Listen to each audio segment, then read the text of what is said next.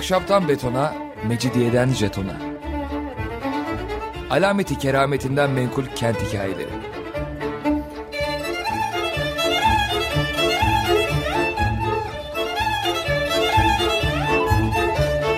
Hazırlayan ve sunan Pınar Erkan.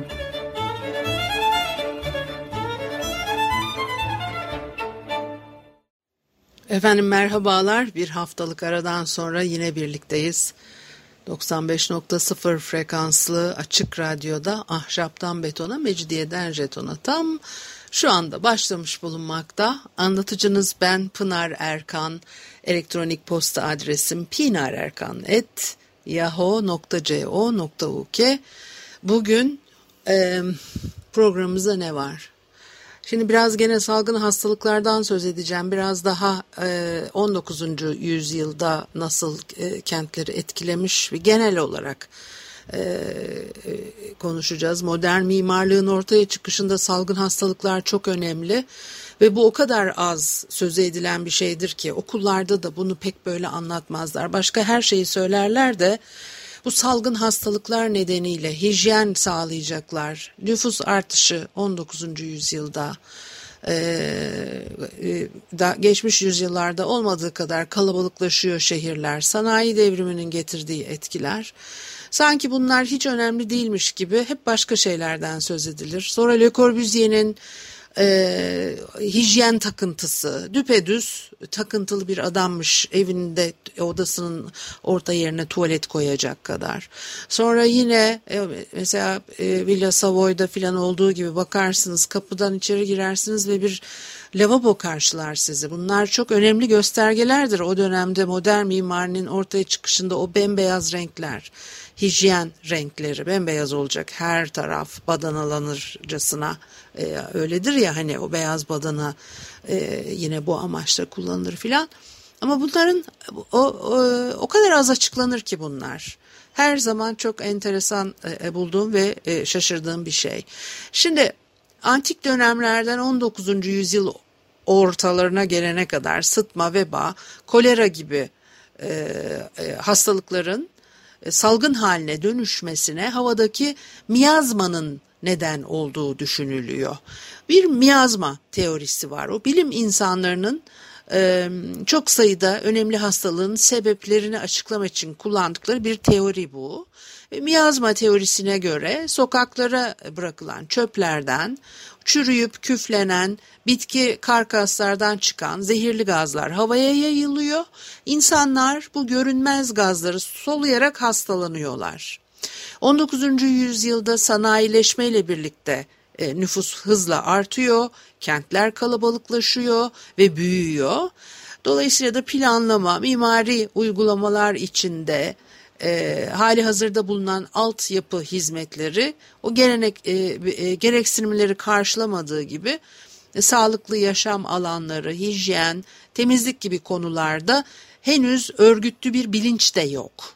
Özellikle alt ekonomik sınıfların yaşadığı mahallelerde yoğunlaşıyor salgın hastalıklar. Bu da miyazma teorisinin makul görünmesine katkıda bulunmuş.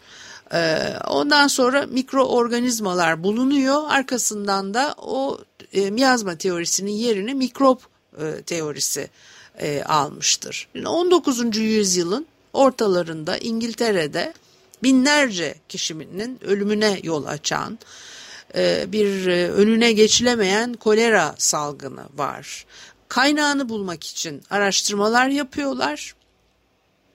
Didik didik e, çalışıyorlar didik didik ederek o şehir haritasındaki e, su tedarik sistemlerini inceleyen Doktor John Snow e, meşhur bir adam o hastalıktan kırılan mahalleler içinde özellikle bir su pompasının e, dağıtım yaptığı bölgenin diğerlerine göre hastalıktan daha çok etkilendiğini belirlemiş.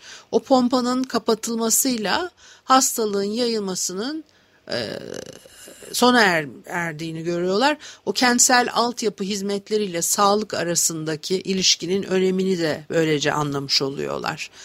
Ee, ve e, şehir planlamasına tek boyutla yaklaşamazsınız. e, farklı uzmanlık alanlarının işbirliğiyle o kentsel planlamaya, sağlık, hijyen konularını e, dahil edecek yeni yaklaşımlar gerektiği anlaşılıyor. Çünkü bu zamana kadar e, gerektiği kadar üzerinde durulmamış bir e, konu bu. Roma şehirlerinin nasıl e, kurulduğunu, oralardaki o pitlerden, çukurlardan e, e, söz ettik. Çok eski programlarda hatırlıyorum. E, e, kira evlerinin nasıl e, e, susuz olduğunu, hijyenden uzak olduğunu hani böyle çok e, Roma e, muhteşem bir uygarlık mimarlık alanında e, meydana gelen gelişmeler elbette çok kıymetli bunların hepsi ama bir taraftan da inanılmaz şeylerle de e, karşılaşıyoruz o dönemlerde doğal olarak. 19. yüzyıla gelene kadar da böyle bir bütüncül bakış açısı sergilenmediğini, daha çok insanların salgın hastalıklardan kaçmak, kurtulmak için de e, kişisel çabalarla e, kendilerini kurtarabildiklerini görüyoruz. Yok muydu? E, girişimler elbette var ama işte 19. yüzyıldan sonra bunlar daha derli toplu, bilinçli bir hale gelmiş, daha sistematik bir şekilde e, e, kapsamlı altyapı çalışmalarıyla çözülmeye çalışılmıştır. 19. yüzyıl düşünürleri bu meseleye e, kafa yoruyor. Mesela Robert Owen e, makul bir nüfus e, yoğunluğuna sahip bahçelerden oluşan yerleşim alanları tasarlanmasını öneriyor. Böylece insanlar doğa içinde yaşayacaklar, bol temiz hava alacaklar, ışıkla dolu, sağlıklı ortamlara kavuşacaklar. Çünkü 19. yüzyılda özellikle o işçi evleri sıkış tıkış böyle dip dibe bir araya gelmiş. Doğru düzgün aydınlanmıyor içerisi, ışık almıyor, hava almıyor, oksijen almıyor ve ağır mobilyalar falan o dönemlerde bu çok karşılaştığımız şeyler. Dolayısıyla da arzu edilen o hijyen ortamını sağlayacak bir şey yok. Temiz hava, ışık dolu ortamları sağlayamıyorlar özellikle işçi sınıfına e, sanayi işletmeleri e, işte konutlardan açık alanlara e, yollarla çevrili bahçelerle ayrılacak diye bir fikir var.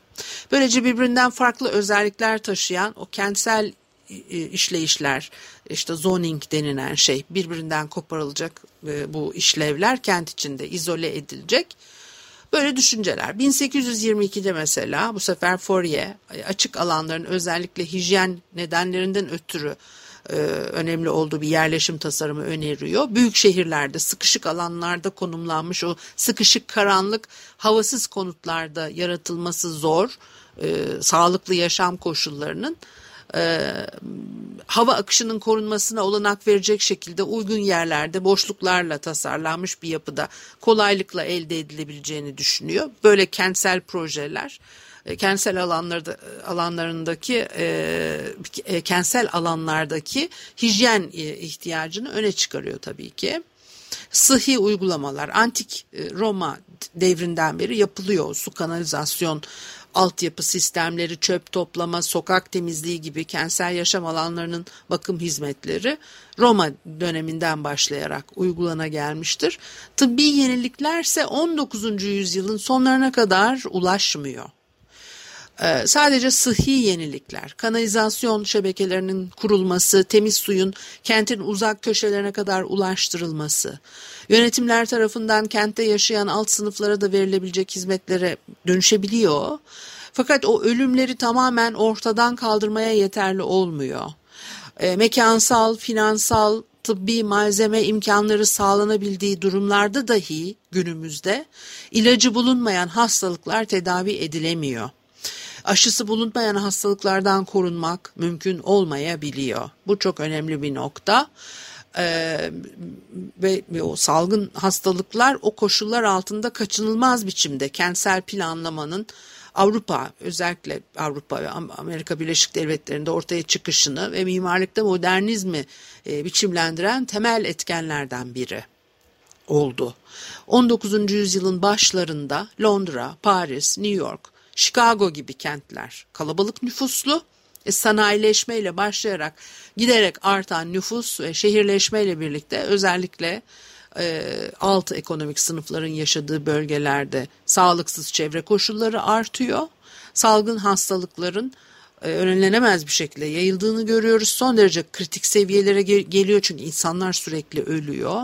Londra'da çiçek hastalığı, kolera, tifo, e, tüberküloz eşi görülmemiş oranlara e, ulaşıyor. Örneğin 10 kişiden birinin e, çiçek hastalığından öldüğünü tahmin ediyorlar. 1848 yılında e, bir karar alıyor e, parlamento. Tüm evsel atıklar Thames nehrine dökülecek. Düşünebiliyor musunuz? Bu su alır götürür anlayışı e, çok enteresan ve 10 yıl sonra bir kent felaketi yaratmıştır bu eğilim, bu uygulama 19. yüzyıl e, Londra'sında 1858 1859 yazlarında Thames Nehri o kadar kötü kokuyor ki tarihi bir olaya dönüşüyor bu. E, Thames Nehri'nin kokusu nedeniyle Londra yaşanmaz bir hale geliyor. New York'ta 1865 yılının işte sonlarına doğru e, pislik ve çöpler sokaklarda tepeler oluşturuyor. O plansız hızlı kentleşmeyle bunun sonucunda ortaya çıkan bir atık yoğunluğu var. Başlı başına bir hastalık nedeni olarak görülüyor bunlar. Şehirler bulaşıcı salgın hastalıklarla boğuşuyor. Kolera, tüberküloz, tifo dalgaları bir şehirden öbürüne geçiyor nüfusun önemli bir bölümünü yok ediyor ve hastalıkların nasıl meydana geldiğini henüz tam olarak bilemiyorlar. Bu miyazma teorisi gibi hastalık yapan zehirli hava e, açıklamaları kabul görüyor. E, kalabalık kirlilik, güneş ışığı eksikliği, yetersiz hava akışta hastalığın seyrinin kötüleşmesine neden oluyor diye bunu düşünüyorlar ve öngörüyorlar. Peki ondan sonra ne oluyor? Bir müzik arası verelim sonra devam edelim. Efendim Açık Radyo'da Ahşaptan Betona, Mecidiyeden Jeton'a devam ediyor. Haliyle Pınar Erkan'ı dinlemektesiniz. Ve 19. yüzyılda miyazma teorisi, salgın hastalıkların nasıl yayıldığı, şehirlerde bunları önlem almak için ne gibi araştırmalar yapıyorlardı, neler yapıldı bunları konuşuyorduk. Şimdi o sık yaşanan kolera salgınları ön plana çıkıyor. Milyonlarca kişi ölüyor. Kanalizasyon sistemi sokak düzenlemeleriyle ilgili yeni yasalar çıkartıyorlar. E 1866 yılına gelindiğinde Londra'nın büyük kısmı e, e, bir kanalizasyon şebekesine bağlanıyor. Burada da e, Basilgate e, isimli bir e, mühendis var. E, meşhur o dönemde onun çabalarıyla. Salgın hastalıklar sadece fakir e, işçi sınıfı insanları değil varlıklı kesimi de vuruyor. Ee, yeni kentsel e, e, girişimlerde bulunacaklar. Bunların her biri bir reform hareketidir. Londra'da hızla uygulanmaya başlanıyor. Kanalizasyon borularıyla atık sular yeni arıtma sistemine yönlendiriliyor. 1860'larda başlayıp 1970'lere e, kadar devam eden bir çalışmadır bu. E, belli oranda arazi parçaları boşaltılarak nehir kıyısında setler inşa ediyorlar. E, e, metro ulaşımı için kıyıları temizliyorlar, düzenliyorlar. Alan kazanılıyor bu şekilde. yeni tren yolu buradan geçiriliyor. O kentsel biçimlenmeyi doğrudan etkileyen uygulamalardır. Londra için çok önemlidir. şehrin şekillenmesinde başka etkiler de var. Yerleşim alanı olarak e, şehir içinden bataklık ve sivrisinekten e, uzak bölgelerin belirlenmesi, enfeksiyonla mücadele, zararlı etkileri nedeniyle sanayinin şehrin neresinde olacağının kararlaştırılması falan hep bu dönemlerde e, olmuştur. Bütün bunlar konut yoğunluğunu e, etkiliyor öyle sonuçları oluyor. Yaşam kalitesi, yeni inşa edilen binaların nitelikleri konusunda bir dizi yaş, e, yasa çıkartılıyor. E, salgın hastalıklar Londra'da kentsel anlamda büyük boyutlu bir e, değişim, dönüşümle e, sonuçlanmıştır ve örnek e, teşkil etmiştir. O miyazma teorisini e, benimseyenler arasında başlarda e, peyzaj mimarlığının kurucularından e, e, e, e, e, pek çok isim var. Şimdi isimleri sıralayayım dedim ama ondan sonra da vazgeçtim.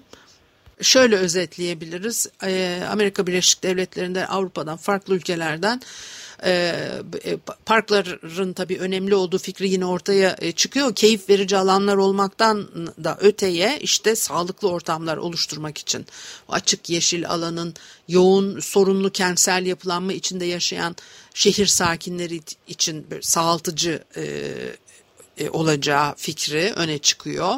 Hastalıkların mikroorganizmalar aracılığıyla e, bulaştığını anlıyorlar ya ondan sonra park ve yeşil tasarımlar ön plana çıkıyor, e, daha önemli hale geliyor. Halk sağlığı yararı için parklar savunuluyor ve kentsel alanların oksijen ihtiyacını sağlamak üzere ağaç, orman, açıklık, yeşil alanların önemi vurgulanıyor. 1900'lerin başlarına gelindiğinde yine e, Amerika Birleşik Devletleri, İngiltere, Avustralya gibi ülkelerde tüberküloz, zatüre hala önde gelen ölüm nedenleri arasında. İnsanlar 19. yüzyılda inşa edilmiş konut, kiralık konutlarda yaşıyorlar. Bu evlerde e, tabii geleneksel eğilim ve alışkanlıklara göre ahşap veya e, döşemeli mobilyalar e, tercih ediliyor. Halı, kumaş, uzun perdeler gibi tekstil ürünleri ile dolu evler, ağır, havasız iç mekanlarda o sağlıklı hijyenik koşulları sağlamak çok zor. Pencereler küçük, doğal ışığa, e, e, havalandırmaya erişim sınırlı ve e, doğrama detayları da toz tutuyor. Şimdi senatoryumlar e, önemlidir bu dönemde tedavi imkanları sağlayan yapılar olarak devreye giriyor. Bir kere tüberküloz çok bulaşıcı, izolasyon, e, tüberkülozu önlemenin en etkili yöntemlerinden biri ve tüberküloz hastaları için doktorlar dinlenme, sağlıklı beslenme, güneş ışığı, temiz hava öneriyorlar. E, e, ve bu ortamların nasıl oluşturulacağını e, düşünen girişimciler Amerika Birleşik Devletleri'ndeki ilk sanatoryumları kuruyorlar. Ondan sonra e, mesela 1885'te bir ilk e, tüberküloz tedavi merkezi kuruluyor. E, New York'ta. E, hastalar şehirdeki yoğun o aşırı kalabalık kentsel ortamdan uzak kalarak açık havada yeşillikler içinde kırsal bir ortamda sağlıklarına kavuşturulmak üzere tedavi görecekler. Düzenli aralıklarla belirli sürelerde teras, balkon, e, e, verandalara yerleştirilmiş karyola veya sandalyelerde temiz hava ve ışık kürü alıyorlar. Bu kür meselesi önemli. Bizde de e, Rıfat Ilgaz'ın Pijamalılar kitabı benim e, çocukluğumdan kalma en sevdiğim en şahane kitaplardan bir tanesidir. O sanatoryumdaki anılarını anlatır. E, geçmiş dönem yazarlarının e, Cumhuriyet dönemi yazarlarının e, bir kısmı anılarında sanatoryumla ilgili maceralarını anlatırlar. Ee, ve e, bu nedenle tasarlanmış sandalyeler, karyolalar e, var yine e, meşhur olmuş. Ee, özel geliştirilmiş e, mobilyalar var. Yani özünde hastaları belirli sürelerde yatırarak o günlük yaşamdan, sosyal çevreden e, izole edip e, tedavilerini sağlamak için tasarlanan kurumlar, sanatoryumlar sıkı hijyen, bol güneş ışığı, havaya maruz kalmayı öne çıkarıyorlar. Sanatoryumlar temelde bu özellikleriyle yeni modern mimariye de ilham vermişlerdir. 20. yüzyılın ilk yarısında e, e, e, mimarlık ilke ve uygulamaları işte hep onun için sağlık, hijyen, temizlik kavramları ile birlikte açık, havadar, aydınlık tasarımlar yaratma fikrini öne çıkarıyor. O kentsel kavramlar kent hijyeniyle birlikte 19. yüzyılda e, insan ve doğayı birbirine e, bağlayan sağlıklı çevre önerilerini içeren e, mimari ütopyalarda örneklenen sosyal ideallerden de besleniyor. Bir de 19. yüzyılın bir umut çağı olduğunu da unutmamamız gerekiyor. Ee, bir yeni teknolojik buluşlar var. Bilimsel, toplumsal değişimler. O sanayileşme ve sanayileşme sonucunda kentlerdeki hızlı nüfus artışının doğurduğu çok ciddi yetersizlikler var. Fakat 19. yüzyıl bir umut çağı. Ve toplum kesimleri daha iyi yaşama ideali gibi konularda bilinçleniyor. Fiziksel çevre, yaşam koşulları çerçevesinde o sınıfsal farklılıkların e, belirginleşmesi gibi birçok olgu modernizmin e, gelişmesini etkilemiştir. Özellikle 1920'lerle 1970'ler arasındaki dönem e, formun saflığını, katı, e, katı geometrileri, modern malzeme, süslemenin reddini onaylayan bir dizi e, ilkeyle karşımıza çıkıyor modernizm. O ilkeler 20. yüzyılın ilk yarıntısını tanımlayan savaş ve hastalıkların tahribatını giderecek çözümler üretmeye çabaladı. E, o tüberküloz sanatoryumları gibi o dönemin mimarisinin temiz, pürüzsüz yüzeyleri, e, hastalık, travma sağaltıcı özellikler taşıyor ve Adolf Loos'dan Alvar Aalto'ya kadar modernist mimarlar o iyileştirici ortamları hem fiziksel hem sembolik anlamda hastalık ve kirlilikten e, arındırılmış olarak tasarladılar. E, süsleri olmayan e, pencerelere sahip bir e, bina e, Luz House vardır mesela. Luz'un e, minimalist ideolojisini e, e, çok net bir şekilde ortaya koyuyor. Le Corbusier insanların evlerini gereksiz dağınıklıktan kurtarmaya, halıları, ağır mobilyaları ortadan kaldırmaya, e, e, zeminleri, duvarları temiz tutmaya çağırmıştır insanları. Onun içinde o evdeki o çok açık ve net, gereksiz hiçbir şeyin olmadığı, hiçbir kalabalık yaratacak eşyanın bulunmaması falan. O 1925'te her evin beyaz badanalı olduğu, artık kirli karanlık köşelerin olmadığı sade bir şehir hayal ediyor Le Corbusier. Ee, ve hiçbir şey olduğundan farklı görünmeyecek o şehirde. Her şey neyse o. Ve olduğundan başka görünmemiş gibi yapma 19. yüzyılın e, öne çıkan özelliklerinden bir tanesiydi. Modernizmin çok karşı olduğu bir şey olarak e, bunu görürüz. O somut fiziksel çevrede üretilen bir arındırılmışlık arkasından içsel temizliği beraberinde getirebilecek. İşte Villa Savoy bu fikirlerle öne çıkıyor. Burada bir e, yine e, çok derinden inandığım Le Corbusier'in o kişisel bir takım takıntıları e, e, yansıyor tamamen ortaya çıkıyor. Yapı klinik beyaza e, boyanmıştır. E, yaşam birimleri e, zeminde mikroplarla dolu toprağın üzerindeki e, sütunlar üzerinde yükselir. Yani zemindeki e, mikroplardan e, binaları e, koparma çabasıdır pilotiler bir kere. Hani sadece bu başka şimdi çok da fazla vaktimiz yok onun için ben buna çok derin e, inemeyeceğim ama e, bu önemli bir, bir şeydir. Yani pilotiler üstünde yükselen o yapıların aslında e, e, e, zemindeki kir, pislik ve mikroptan e, yaşam alanlarını koparma e, çabası Corbusier'in önemli girişimlerinden bir tanesidir.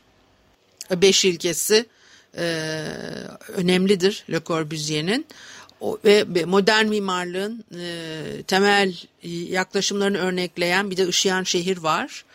E, ütopik diyebileceğimiz uygulanmamış tasarımlarından Corbusier'in önerilerinden bir tanesi. O doğal zemini romatizma, tüberküloz yayma potansiyeli taşıyan bir ortam olarak görüyor. O zemin katları diğer katlara göre daha az temasta bulunulan hizmet alanları olarak sunmuştur. O pilotis kullanımıyla da hastalıkların ürediği ıslak, nemli topraktan binaların ayrılmasını öneriyor. O planlarda çatıları günlük fiziksel e, e, egzersizler yapılabilecek, işlevine göre tasarlanmış sandalyelerde uzanılarak güneşlenilebilecek açık mekanlar olarak e, düzenlemiştir. Bu döneme ait yapılar arasında sıklıkla sütunlar üzerinde yerden yükseltilmiş tasarımlarla karşılaşırsınız o düzenleme altta kalan arazinin daha verimli kullanımını da olanak sağlar. Bu daha çok bu özellik ön plana çıkartılır. E, ama 19. E, yüzyılda artık e, pik noktasına ulaşan o sağlık sorunlarının nüfus artışıyla kentlere nasıl yansıdığını ve nasıl çözümler e, üretme çabaları içerisine girildiğini bundan da nasıl bir modern mimarlık ortaya çıktığını da neden söylemekten kaçınıyoruz e, e, mimarlar bu soruya bir cevap bulsun e, diyeyim. E, işte konuştuk yani verdik e, cevabının neden olduğunda tabii takılıyorum şaka yapıyorum. Haftaya görüşene kadar hoşçakalın.